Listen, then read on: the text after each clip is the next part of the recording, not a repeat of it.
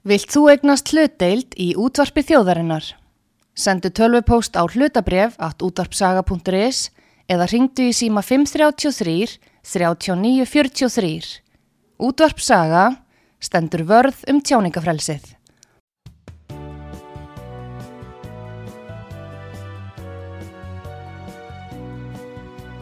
Sýteðis útvarpið á útvarpi sögu í umsjón Pétur Skunlökssonar.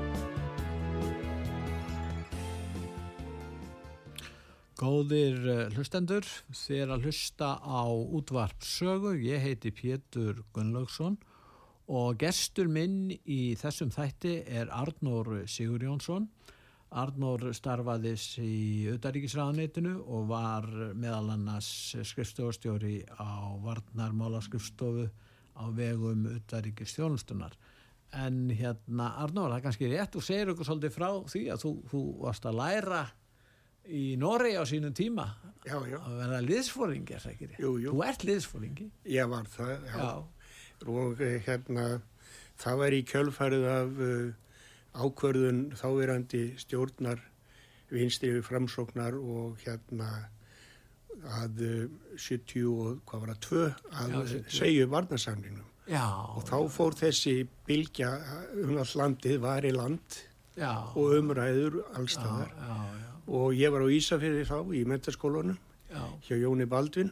Já, já, og uh, þanga komi Björn Bjarnar og, uh, og Styrmir Gunnarsson. Og e, ég og Einar Guðfinnsson, skólafélagi minn, við vorum þarna á þessum fundi. Já, og senna ráð þeirra og, og við vorum þarna ungir mentaskólastrákar sem að tóku þátt í að skipur ekki þennan fund. Já, og svo um kvöldi þá bauð Jón Baldun okkur í kaffi upp í heimavist og þar var Björn Bjarnar og, og Styrmir og, og tali basta því hvað þessu ungu menn ætlaði að gera í framtíðinni já, og ég, ég saði nú að einar ætlaði sér að vera þingmaður, hann vildi nú ekki kannast við það nei, en uh, ég sagðist alltaf að fara til Noregs og læra hermersku já. því að það þyrti hér á Íslandi Og þú stóðst við það? og ég stóð við það. Já. Segðu okkur hvernig er staða norska hersins svona áður við förum út í íslensku umræðu? Hún er, hún er góð að mörgu leiti. Mm. Uh, þetta er, þetta, þeir eru öflugir, það er mikill stuðningur við varnir í Nóri og herin. Þeir hafa efnaður? Þeir hafa á þessu og þeir hafa bætt verulegi í eins og all, öll vesturlöndin hafa gert síðan 2014. Já, Uh, það var yfirmaður norska hersins var að leggja fram uh, langtíma áætlu núna í síðustu viku og uh, hann vil fá uh, 8 miljardar norskra krónu aukning á ári já, í, í einn tíu ár og efla hernagetun enn frekar. En staðan er góð hjá þeim bara. Eru þeir með nýsku vopn? Er þeir dæmis með nýjustu vélar, flugvélar frá bandaríkjónum, þessar F, hvað, Já.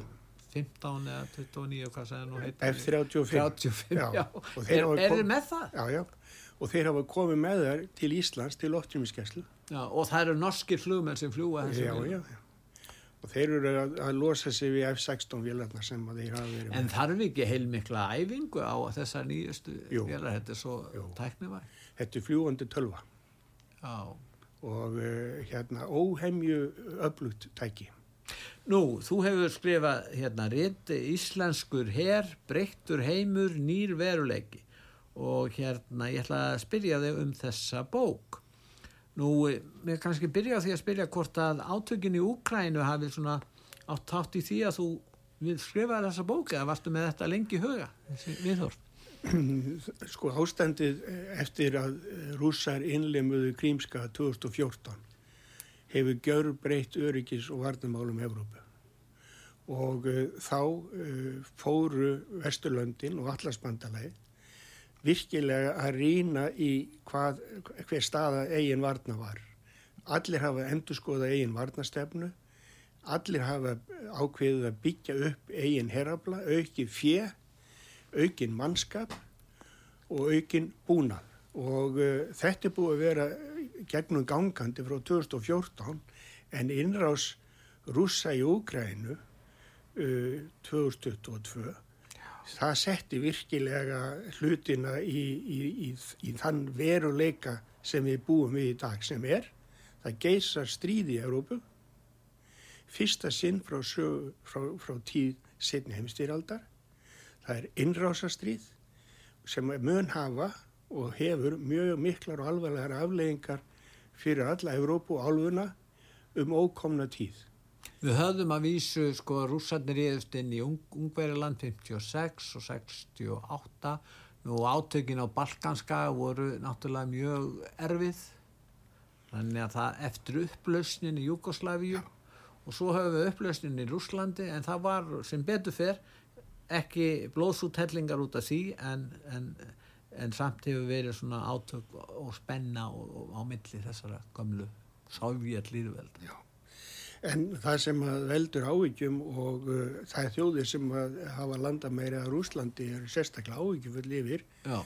er að, að Putin hefur líst því yfir að hann vilji endurvekja og endurreisa fyrverandi áhrifasvæði Sovjetríkjana.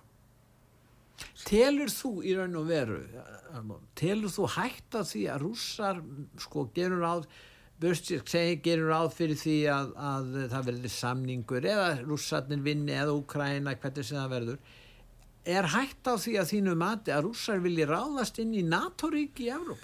Mundi þið nokt í mann láta sér detta það í hug vegna afleiðingarna sem því fylgir? Já sko, svona vennilugum skynsam uh, manni, mannesku, myndi, myndi telja það að var ólíklegt að það, að það geti gerst.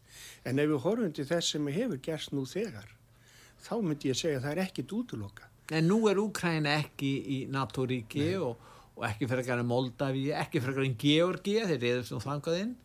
Þannig að, að, að þeir segja já það er óhætt að, að fara þarna en, en þeir myndi að segja annað ef það ætla að ráðast inn í Pólan til dæmis eins og þeir gerðu 1922-23 eitthvað svolítið þeir myndi ekki gera það. Nei en hér er veruleikin fyrst þá var sagt Við getum ekki afhengt úgrænumönnum, úgrænska hernum, langdragar eldflögar vegna þess að þeir munu hugsalega nota í gegn Rúslandi. Já. Við getum ekki útveðið þeim skriðdrega og núna síðast við getum ekki látað að hafa orustufluglar. Allt þetta er að raungerast. Þeir eru að fengja langdragar eldflögar, þeir eru að fengja skriðdrega og það byrja að þjálfa úgrænska flugmenn í notkun og F-16 vilum sem að þeir munu væntilega að fá innan ekki svo langs tíma.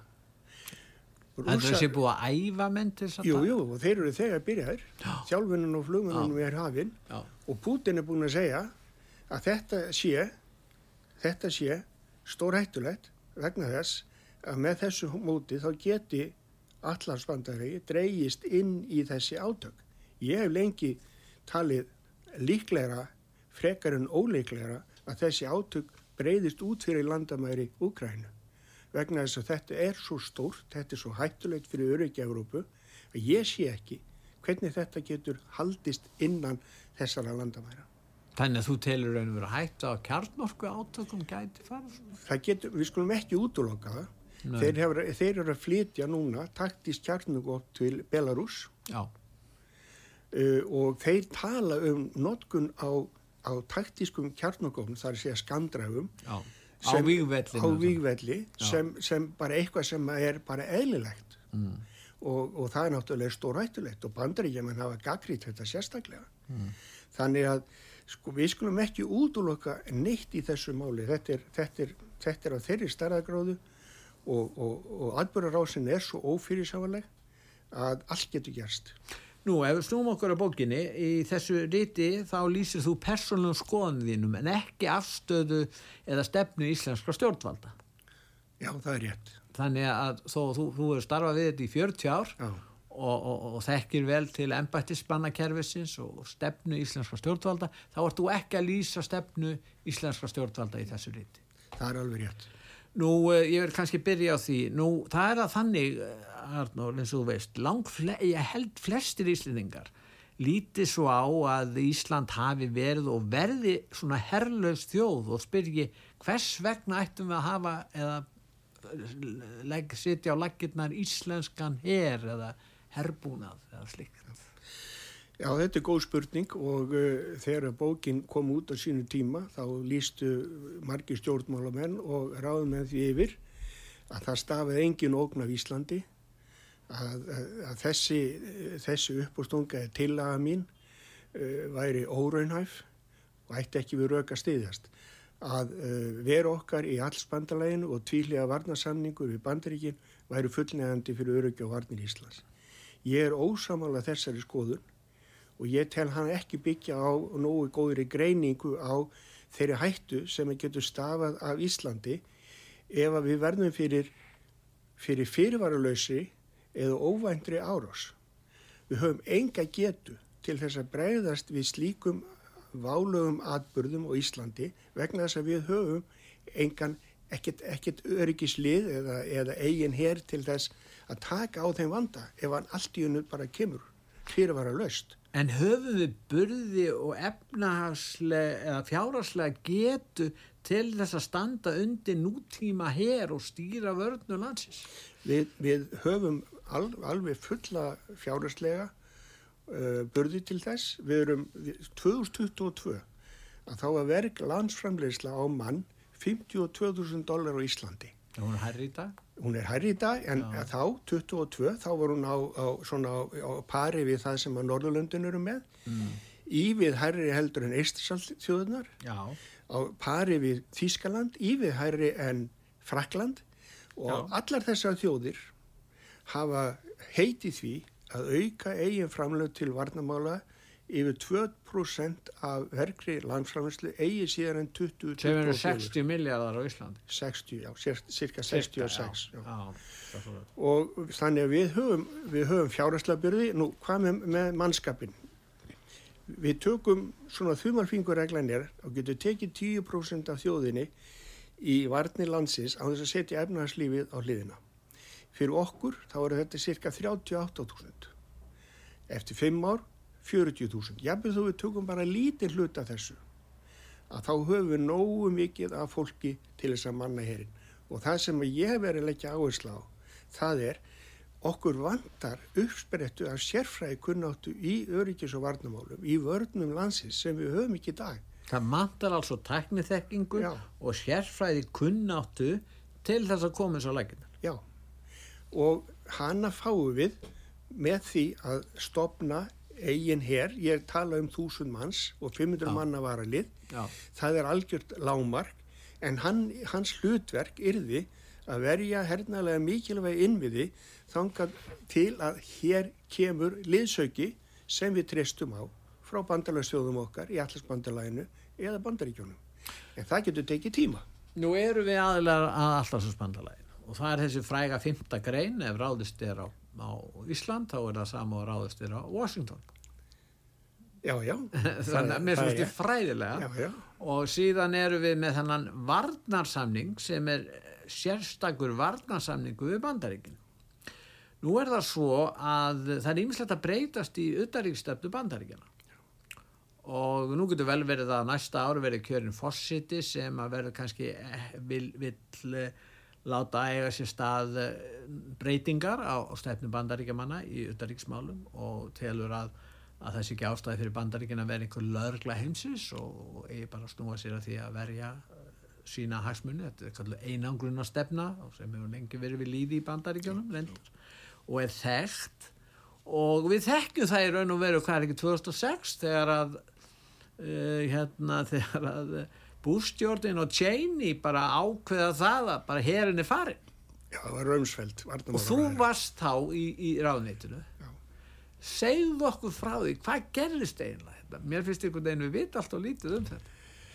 Já, uh, svona ég, það voru samninga nefnd eh, að störfum. Já. og uh, bara fór þeir allt í einu. Var það, var það Römsfeld hérna sem þið hótti nú erfiðum náengi og svolítið erfiður og fregur en Já. bara ákvað hann það bara okkur vantar vélarnar hér sem er í Keflavík vantar til Írak Já, raukstönningurinn hjá honu var nú svo að það kostiði á rúmlega 100 miljónir dólar að þá að vera með sem var rátt, það voru hátala en og hann sagði við getum notað þá peninga með betri hætti. Já. hann hafði alltaf verið þeirra skoðunar að, að, að, að varnarlega ætti ekki verið á Íslandi. Eh, samningarnir sem voru í gangi 2005, þeir gengur ekki upp. Nei. og eh, niðurstöðan var þessi að bandaríkjum bara ákveðu að loka. Og svo ákveðum var tilkynnt í mars 2006 og þeir voru farnir í september. Tóttu kröfur íslitinga of hérna miklar? Ég skal ekki dæma um það, allavega það gekk ekki upp þetta samtal. Og, og, og þá lauk þeirra veru á Íslandi sem ég að hafa verið mistök og ég held að þeir séu þeirra skoðunar í dag. En, en þetta sýnir það að samkvæmt þessum varnarsamningi sem er ennþá í gildi, hann er raun og gildi, það er ekki búið að rifta þessu samningi að segja honum upp. En uh, ef að þeir ákveða það, jáfnvel þú komið hér aftur, þá getur geta þeir ákveða, kannski ekki með nýr fósiti eða nýr ríkistjórn eða hvernig þessi það verður og þeir bara ákveða það að láta hér fara með nokkra daga fyrirvara þess vegna Er það ekki rétt? Er það nokkuð, sko þeir hafa þetta bara í hendi sér. Við getum ekki til raunverð skipt okkur af því og jafnvel þótt að við segjum, já þið eru bandaríkjumenn skuldbundnir samkvæmt varnarsamningi að gera þetta A, B og C, þá þurfa þeir í raunverð ekkert að hlusta. Já sko virkun þessara samninga ef til þess kemur, hún náttúrulega er byggð á ákverðunum uh, viðkomandi ríkistjórnar.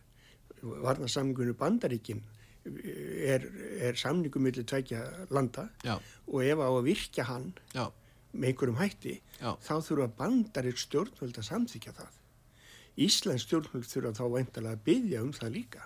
já. Þannig að þetta er samkomulag millir tveikja aðila, Að nota samningi. já, og, uh, og það fer svo eftir því hvernig aðstæður eru, uh, hvort að, hvenar hann verður þá virkjar. Það getur tekið tíma. Það sama á við um allarsbandalagið. Já, Fymta greinin er jú í gildi, já, en ef á að virkjana, þá þarf samþykki allra þjóða, allra þáttöku þjóða, aðaldu þjóðana. Og það getur tekið tíma. Þetta eru 30 þjóður núna, 31 með... já þú meinir ef, ef að Tyrkir færu að koma fram með einhverja rættuðarsendir, það er aldrei að vita. Aldrei að vita. Og þar á meðan þá gætum við ekkert gert ef hér væri hriðjuverka ógn eða neta árásir eða, eða einhverjir aðilar, jafnvel þjóðuríki væru hér eh, komin með herbúnað og herabla hér. Já, jafnvel skemdaverk, hérna, í stór, stórum stíl, sko. Geta verið þessuna útbúinir eins og ferðarmenn. Mm. Þannig að, að, sko, þetta er okkar veikleiki. Þetta er ekki lesar hæll íslenskar varna. Já. og, og, og stjórnvöld neyta að horfast í augu við þetta þeir segja að það er engin ógn það er engin vandi og þess vegna þurfum við ekkert að leysa nein, neinar áskoranir í þessu, þessu efnum En í þessu tilfelli er, skerur á fyrir því að einhverju næði hér fótföstu áður en NATO er búin að samþykja að taka það, sangat 50 greininni þá kannski hefur það áhrif á ákvörður hinn að NATO-ríkjana að hafa afskipti sangat 50 greininni. Þeir geta sagt, já, þeir eru búin að koma sér þetta fyrir þessi ræðilar hérna í Íslandi og það er þetta mjög slæmt, þetta er náttúrulega fámennt ríki og, og við förum ekki að koma staðin einni heimstyrjöld út af þeim. Eða, þú skilur hvað er að fara? Já, já, það sem gæti verið og það er náttúrulega úr hérna leikbók uh, Sovjetríkjana og rússa mm. ef, þú, ef þú ætlar að koma að stað ringur reyðu uppnámi hjá einhver stað þá sendur þau þanga máleiða eða, eða hérna skemdaverkamenn sem að jafnvel eru undir einhverju fölsku flaggi þjóðarnisstefnu í viðkomandi ríki. Mm. Þannig að það verður... einhvers konar fymta herdir. Já, þannig að það er strax ó, óljóst hvort að hérna séu um beina árósaræða eða hvort þetta séu bara innbyrðis átök stríðandi afla í landinu. Les you know, borgarastríð. Já, Og ef að sústaða kemur upp, þá sé ég fyrir mér að það getur komið ymsar efasendir frá okkar uh, bandalagsþjóðum varandi þáttöku því. Þannig að það, það, það er hægt að spila þetta með ymsum hætti. En vandamálið er, við höfum ekki getu til að bregðast við þessu í dag. En uh, nú ef, uh, ef að það væri farin svo leið og, og það væri hægt að gera það á einhverjum tíma, tegur kannski ekki langa tíma að setja laginnar svona uh, her, íslenskan her uh, og þetta en uh, hvað hva geta hann svo sem gert ef að hér kæmi einhverjir aðlar? Þúsund manns Já, gætu komið í veg fyrir það. Ef að það- við erum að ég tala með því að um... beita uh, við, við að koma á framfæri upplýsingum og, uh, til, til vandalarsríkjana Já, ekki bara það. Með því að tryggja hernalega mikilvæg innviði, vera bara fysiskt á stanum, Já, þá myndi það hjálpa verulega til að tryggja öryggi okkar. Móens Glístrup sagði nú að Danitin ættu ekki að hafa neitt hér, þeir ættu bara að hafa fimm öðra og fara síðan í síman og segja við gefumst upp. Já, þetta voru sjálfs, sjálfs, Sjálfsalinn. Já, já, hann sagði þeir þetta. Ég meina, við sjáum það greinilega. Þeir voru spurður að því til hans hollendingar og meðlutu hollendingar segist ekki alltaf verja ættjörðina. Mun Íslandingar gera það? Já, ha? það er spurning. Ég myndi vona það. Ég hérna, held að allir Íslandingar vilji hafa frelsi og fullt sjálfstæði. Já, en hverju vilja það forna? Menn vilja fá frelsi kannski ókipis. Já, ok. Margir, ekki það. Já, ég myndi nú vona að, að, að Íslandingar myndi vilja verja fóstujörðina. Já. Ef við horfum til, til fortíðar, 1627, Já. þá voru Tyrkjaráni hérna frægu. Já.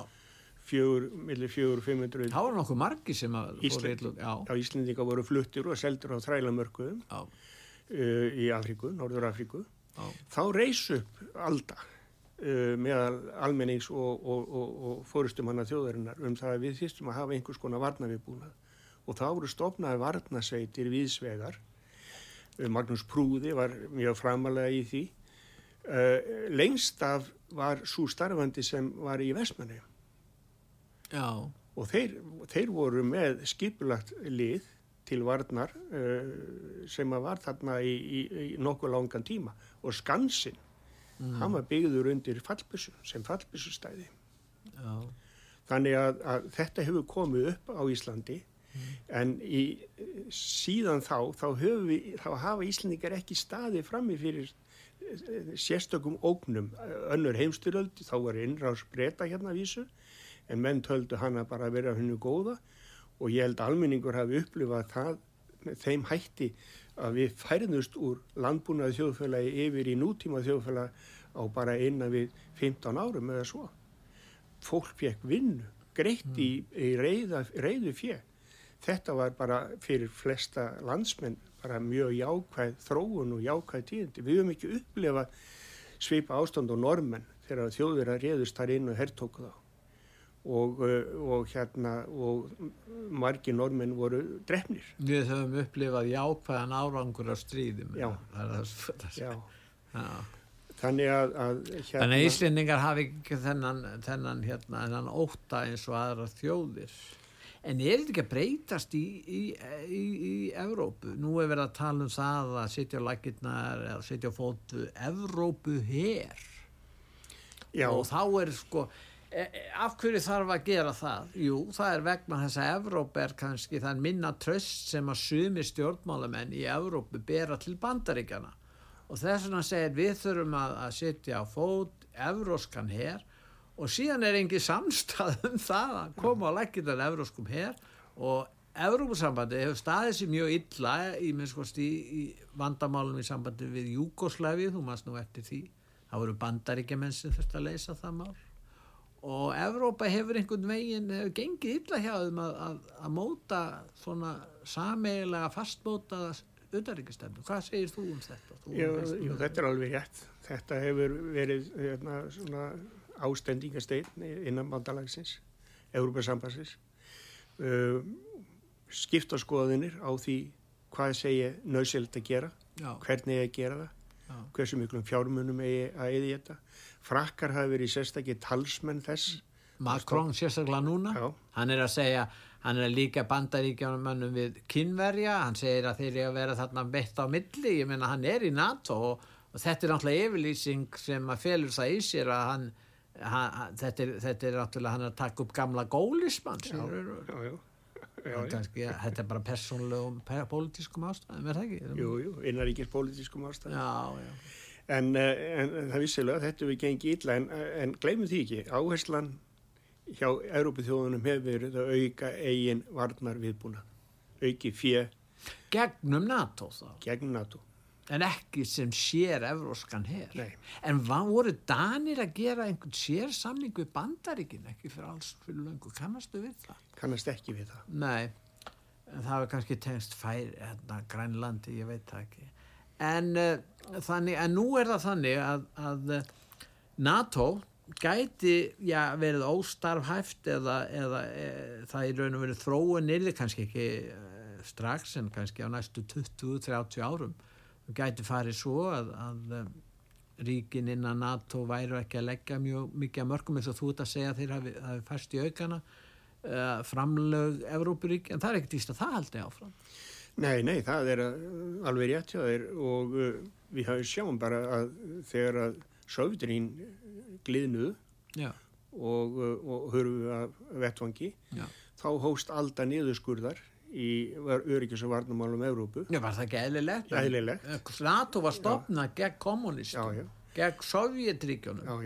En nú er Rúsland ekki lengur kommunistaríki, heldur kapitalistist ríki, eða markaðsríki, já. með svona, ef ekki segja, ófullkomi líðræði. Já eitthvað svolítið og, og jafnvel sko eftir hérna, innrás uh, rúsa í Georgíu 2008 Já. Að það var eiginlega ekki nóg til þess að vekja aftur Európið þjóðnar Nei þeir sögðu það var deilum norður héröðin þarna í Georgíu sem þeir voru að, kannski ekki dósvipað eins og austur héröðin í Ukræn En, en uh, innlumun rúsa á Grímskaga það, var, það, var, það voru vatnaskill og, og, og, og þau eru ennþá yfirstandandi. En það er alveg rétt hjá þér að, að það er, það er hei, svona sögulega séð að þá eru engin bandalög eilíf og meðalaldur bandalaga ef ég fer ekki ránt með er um 70 ár Já. sem er svona cirka lífaldur allarsbandalagsins. Kom aldrei til greina þegar að Sovjetrikinn liðust í sundur og Varsjárbandalagi var lagt niður að segja bara, já nú getum við lagt niður allarsvarsbandalagi því að sjá uh, Varsjárbandalaginu Varsjárbandalagi er ekki lengur til kommunistaríkin er ekki lengur þau vilja bara ganga mörg í, í NATO og Evrópusambandið og taka upp markasækjerfi og líðræðis fyrirkomula og svo framins Já, þá tóku við átökin á Balkanska. Já. Það var hérna... Þau voru á þjóðverðustóða. Jú, reyndar, en allarsbandalagi hafði þar aðkomu. Uh, við vorum þáttakendur í Írak 1 og Írak 2. Sem var nú svolítið. Já. Það var samt og, sí, og síðan kemur Afganistan. Já. Að því svo höfðum við tekið þátt í Írak áður. Já. Þannig að, að sko, þessir, þessir atbyrður ge, gera það verkum að bandaríkjumenn vildu halda áfram uh, rekstri allarsbandalagsins. Vegna þess að þeir sáu sér hagi því að hafa hafa hérna með, með sér. Þannig að ég held að það sé svona þessi sögulega skýring á því hvers vegna Þannig ég má segja að bandaríkjumenn í raun og veru leittu Evrópi í áframhaldandi stuðning við allarsbandalagið út af miðausturlöndum og aðrum hagsmunum sem sem kannski tengdust ekki Evrópu með beinum hætti. Já, þeir... Að vísu var Líbia náttúrulega háð Ítalíu og Breitlandi í olju og svo leiðis. Já, þeir töldu sens, að það sem var að gerast í miðausturlöndum var það hagsmunu og ekki Evrópu líka. Já, þeir myndu, já, þá eru ekki allir sammála kannski. Nei, nei. Áherslutnar. Sko. Nei, nei. Til dæmis, eh, ég meina, Fraklandsforsett í Sýrak, hann var mjög mikið á móti Írak. Já og, og hans hérna auðaríkisráð þeirra, hann, hann var sá sem krafðist þess að þetta er því rannsaka hvort að þið væri með gjöruðinga var. Já. Í já, sem dæmi. Og það var nú ekki klárað. Nei. Það var sá sem var sérfræðingur í, í Napóluan held ég, ég manni hvað hann heitir. en, en það er svolítið merkilegt þegar þú segir, frakkarnir hafi verið svolítið sér á bátið þarna. Já. Og, en, en hvernig, hvað finnst þér eiginlega? Eh, hvað finnst þér um afstöðu Íslandinga núna í allar? Nú er, er mikill stöðningu við allarsasbandalega á Íslandi sem var hér ekki gamla daga þegar það voru göngur frá Keflavík, Ísland og NATO hérum burt, hvað er breyst? Ég held að, að bara fólk almenningur gerir sig grein fyrir því að, að öryggi Evrópu er ógnað sem aldrei fyrr að veru okkar í allarsbandaleginu er öryggi Já Uh, og það er eina ein af tveimur grunnstóðum öryggis og varnamála Íslands í dag. Uh, þannig að, að ég held að þessi aukni stuðningur við veru okkar í allsbandalæginu og vendalagi varnarsamningi með bandaríkin sé afleðing af því. Góðir íslendingar þið eru góðir hlustendur út á sögu og þið er að hlusta á út af sögu, ég heiti Pétur Gunnlaugsson og gestur minn í þessum þætti er Arnór Sigur Jónsson og við erum að fjalla um rétt sem hann var að gefa út Íslenskur herr, breyttur heimur og nýr veruleiki. Og við erum að fjalla um þetta rétt og við ætlum að hlýða núna á nokkrar auðlýsingar og eftir auðlýsingar hlýða þá höldum við umræðinni áfram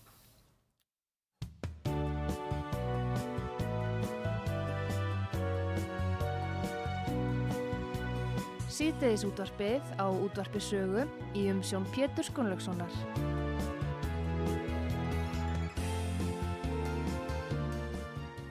Góðir eh, hlustendur þeir að hlusta á útvart sögu ég heiti Pétur Gunnlaugsson og ég er að ræða við hann Arnór Sigur Jónsson um e, rétt hans íslenskur her og breyttur heimur og nýr veruleiki og við erum að ræða um já að hvort að ég að setja íslenskan her á fót og hann hefur einmitt rétt að bóku um það Nú kannski, eh, hugsað þú þér að þannig að verður, er þið þá herskild á Íslandi eins og í Sviss eða er þið þetta bara atvinnu hér?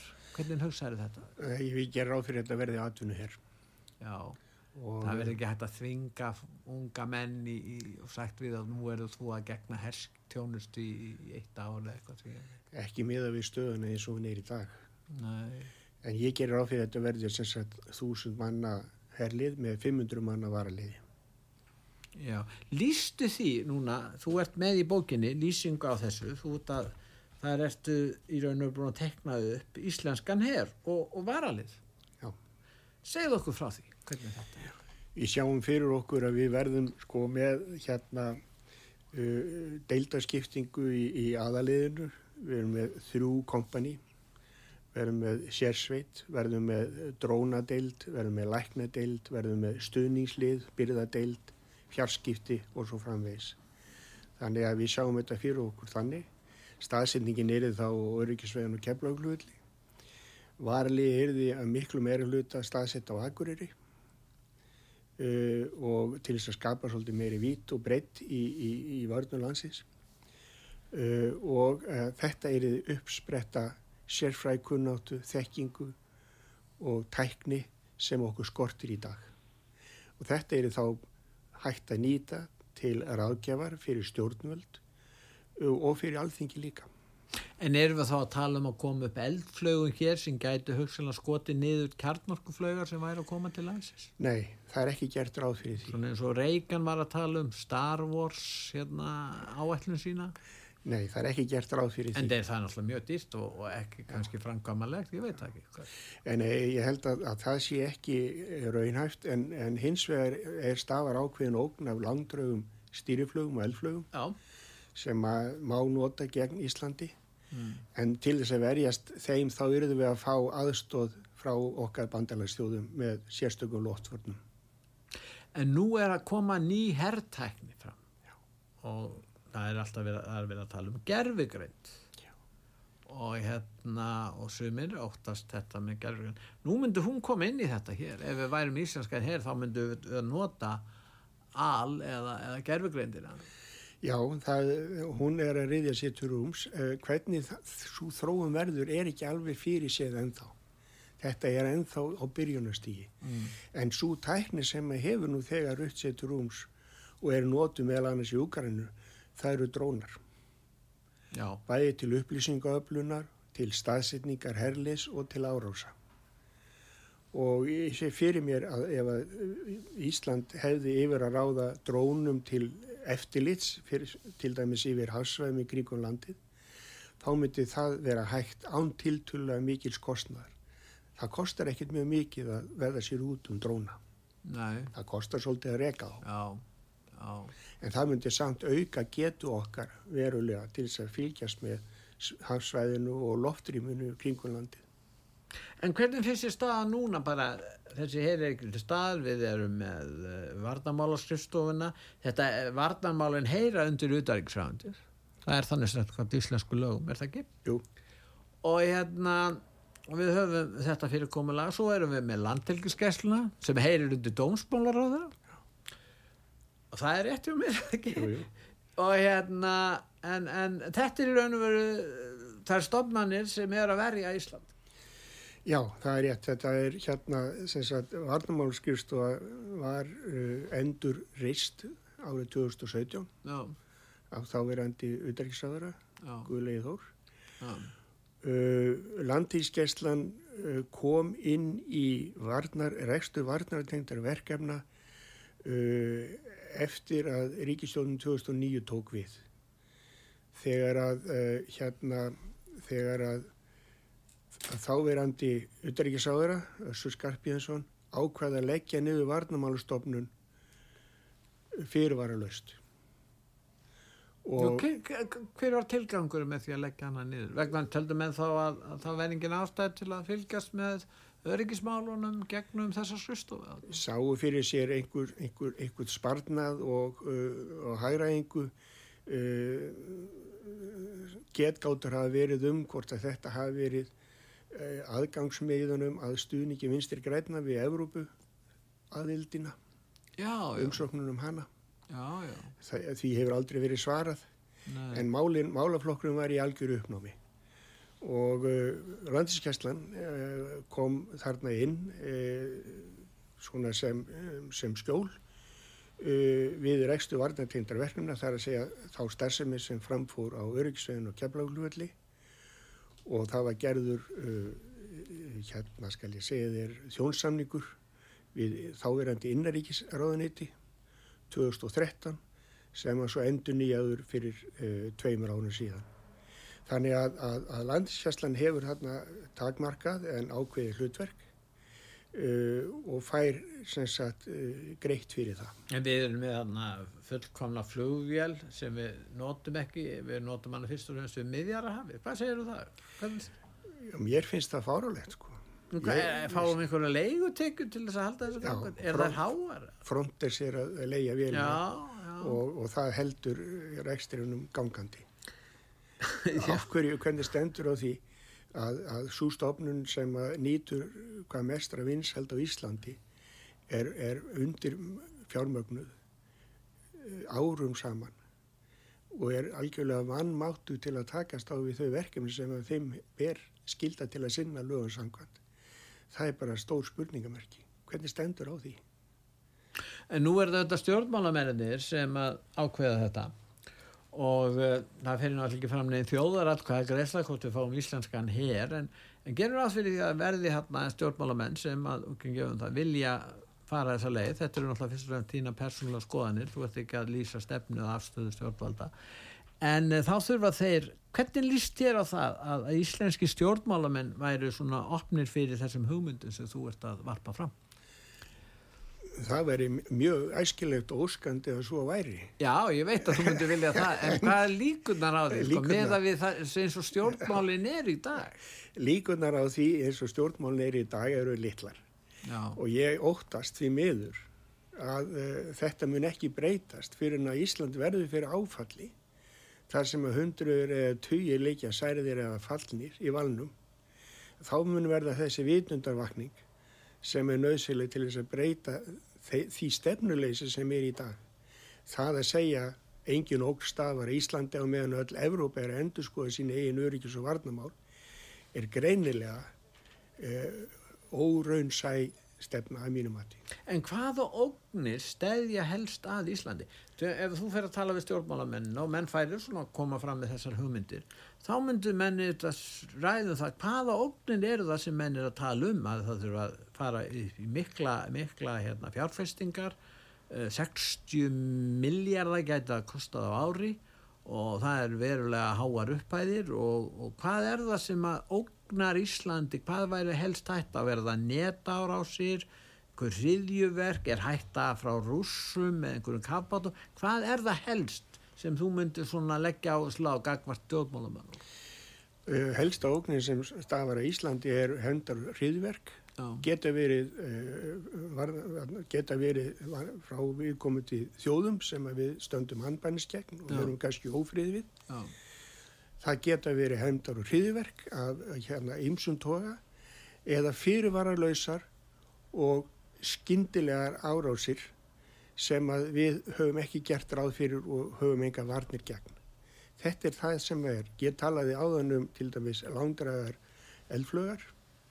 Eh, ef að ástandið á Norður Atlasafi er þið með þeim hætti að, að, að Norður Atlasafi væri undir í átökum milli vesturvelda og rúsa. Þá er Norðurflótin strax komin inn í myndina og við gætum átt von á að þessi átök breyðast, breyðast til okkar vegna þess að Ísland gegnir litil hlutverki í þessu svo kallega gíukliði, Grænland, Ísland, Breitland. Það er þessi, þessi hérna, þrenging yfir Norðurallarhafsi sem að gerir að Ísland er í likil hlutverki í vörnum Norðurallarhafsi. Og af þeim sökum, fyrst og fremst, þá þurfum við að gera ráð fyrir því að að okkur verði sótt ef að þessi átök sem að nú standa yfir í Úgrænu breyðast út fyrir landamæri þeirra. Og það er eitthvað sem að menn hafa bara alls ekki vilja sjá eða viðkenna að séu möguleiki. Og þess vegna meðal annars reyta ég þessa bók mm. til þess að reyna að opna þessu umræðu sem ég tel nöðsilegt að fara í fram. Nú það er gengur stjórnmálumenn hér sem að skipta máli í þessu samingi, það er náttúrulega í Evrópu líka og og það er ímislegt að gerast í eurósku stjórnbólum sem að menni er erfitt með að skilgreina eða skilja og vita ekki og ávissan er mjög mikil í raun og veru mörgum sviðum og í bandaríkjunum er óvissa líka vissu, já, hún er líka talsverð mikið. Og næsta ári eru, eru fórsettakostningar þar og telur þú til dæmis að ef að frambjóðandi republikana, hver sem það kann að vera og vill til dæmis draga úr stöðningi við, við Úkrænu og vill jápil draga úr, úr fjárframlögum sérstaklega í Evrópu, leggja kannski meira áherslu á Asju, ég veit ekki og það, það gæti verið maður eins og Donald Trump eða Ron DeSantis sem hefur svipaða, bara líka stefnu hvað segir um það? E, gæti þetta haft í förmið sér breytingar á viðhorfum hérna euróskra stjórnmálamanna og hér heima, hvað séu? Já, vissilega, þetta er, þetta er eitthvað sem að hérna hefur heyrst í umræðinni á, hérna, í þinginu, bandarska þinginu. Já, já. meðal, republikana meiri hlutans. Já, og þessi orðrumur er, er, er þessi eili sem menn hafa bara tekið hann alvarlega. Og, og hérna og hérna vissulega eitthvað sem að getur raungerst og, eh, og ef að svo gerist þá munum það vantilega hafa áhrif okkur eins og alla aðra í Európu og það getur verið mjög neikvæðar. Sumir segja að það getur verið nýtt bandala í uppsiklingu að bandar ekki menn leggja meira áherslu á samskipt við Dani, Grænland, Færiða, Ísland og svo Bretan alltaf sem eru komin úr Európa-sambandinu og þeir myndi svona einhvers konar halv engilsaksins bandala hér á þessu svæði vegna þess að staðan með eitthvað megilandið í Evrópu að það er komin ákveðin svona klopningur þar, gagvart bandaríkjum hvað segir það? Ég, ég, ég vil nú ekki fara, fara, fara alveg hitt út í þá sálma. Það, það er svona það er mikið spekulasjón sko. En, en, en vissulega hefur hafa innaríkismál í bandaríkjunum og, og, og fórsetakostnaðu 24 Uh, mun hafa verulega áhrif á því hvernig málið við erum þróast. með herstöðarsamning við erum með þennan varnarsamning við Bandaríki og ég meina ef það kemur nýr fósiti og nýtt þing þá geta þeir auðvitað haft áhrif á efni samningsins. Já og jápil þó að hann verði bara áfram eins og hann er þá þarf ákvarðanir begja ríkistjórnuna til að virkja já. og við komum til ríkistjórn í Bandaríkjónum þarf að taka ákvörðunum það hvort að þeir allir að efna hann eða ekki.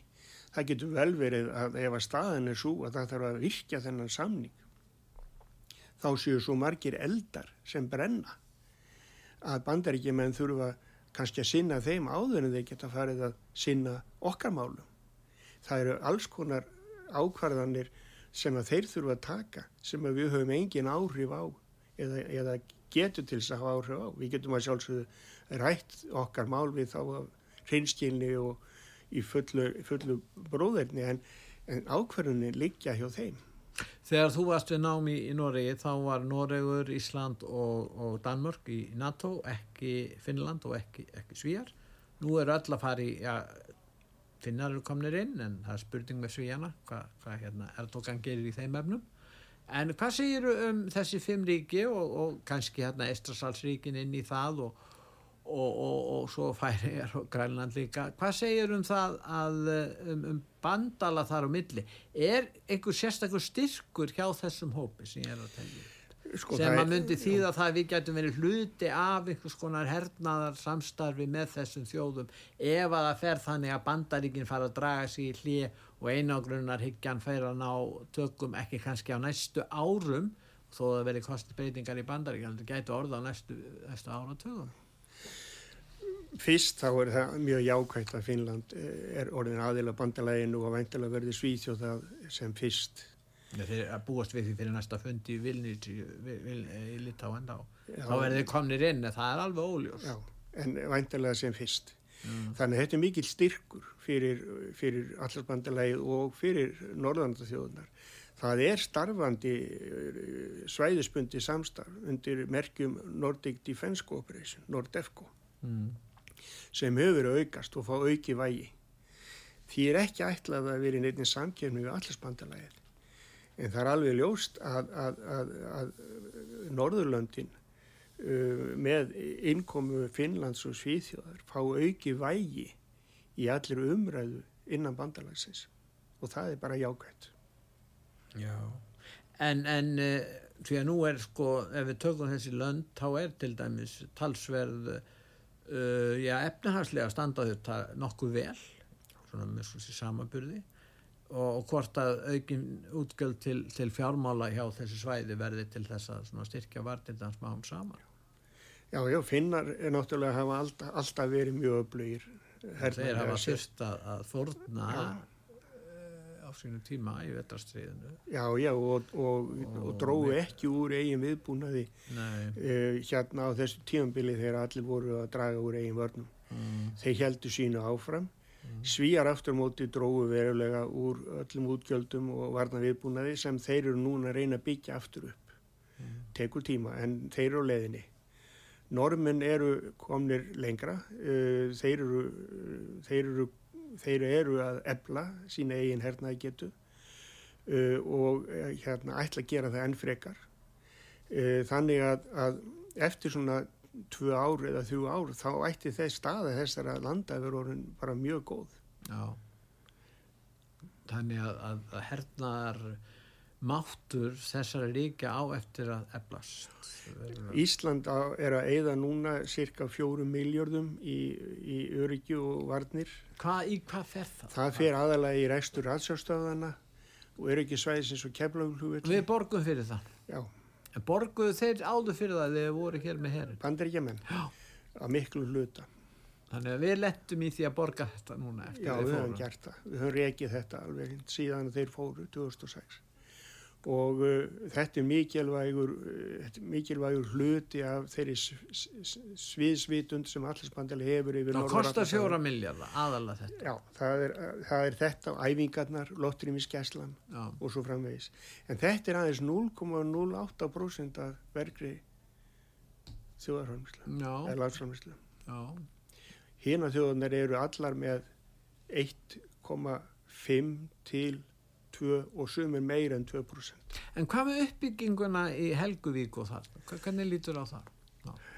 Finnst, finnst þér það tengjast uh, meiri uppbyggingu hérna hjá okkur? Já, allarsbandalegi hefur líst yfir vilja og áhuga á því að, að byggja upp aukið hérna elsneitis um, rými þarna. Er búið að samþykja það? Já, ég skilst það. Já og uh, viðlöðukant fyrir uh, herskip Já. Og það mun koma úr sæmægilum sjóðum bandalæsins, mannveikjarsjóðum. Nú, uh, eins og voru tölum við máðan, það er náttúrulega stjórnmálamennir koma til með að ráða þessu eða með slústi þeir sem stjórn, stjórnmálaflokkonum og, og hérna þannig að, að, að, að finnst ég að þetta eigi að vera kostningamál? Nú ert þú komið með þetta ritt hérna og það er bæði á íslensku og svo er, er útgáfi hér á ennsku New Challenges in a Changed World og, og finnst þér að þessi sjónamið sem þú leggur fram eh, gæti komið þá til álita í, í næstu í kostningum ég meina eh, vegna þess að öryggismálinu er farin að skipta meira máli Það veri mjög æskilegt að, að stjórnmálamenn og formenn stjórnmálaflokkana tæki þetta mál alvarlegum tökum. Áttu vonið að gera það? Já, síður vonaði. Já. Ég held að það sé svo þægilegt að láta bara reka á reyðanum. Þú meina að það áfalli verður að ganga? Ég, ég óttast það. Ég myndi óska þess að, að þess þyrt ekki vegna þess að það mun verða skelvulegur atbyrður ef hann gerist.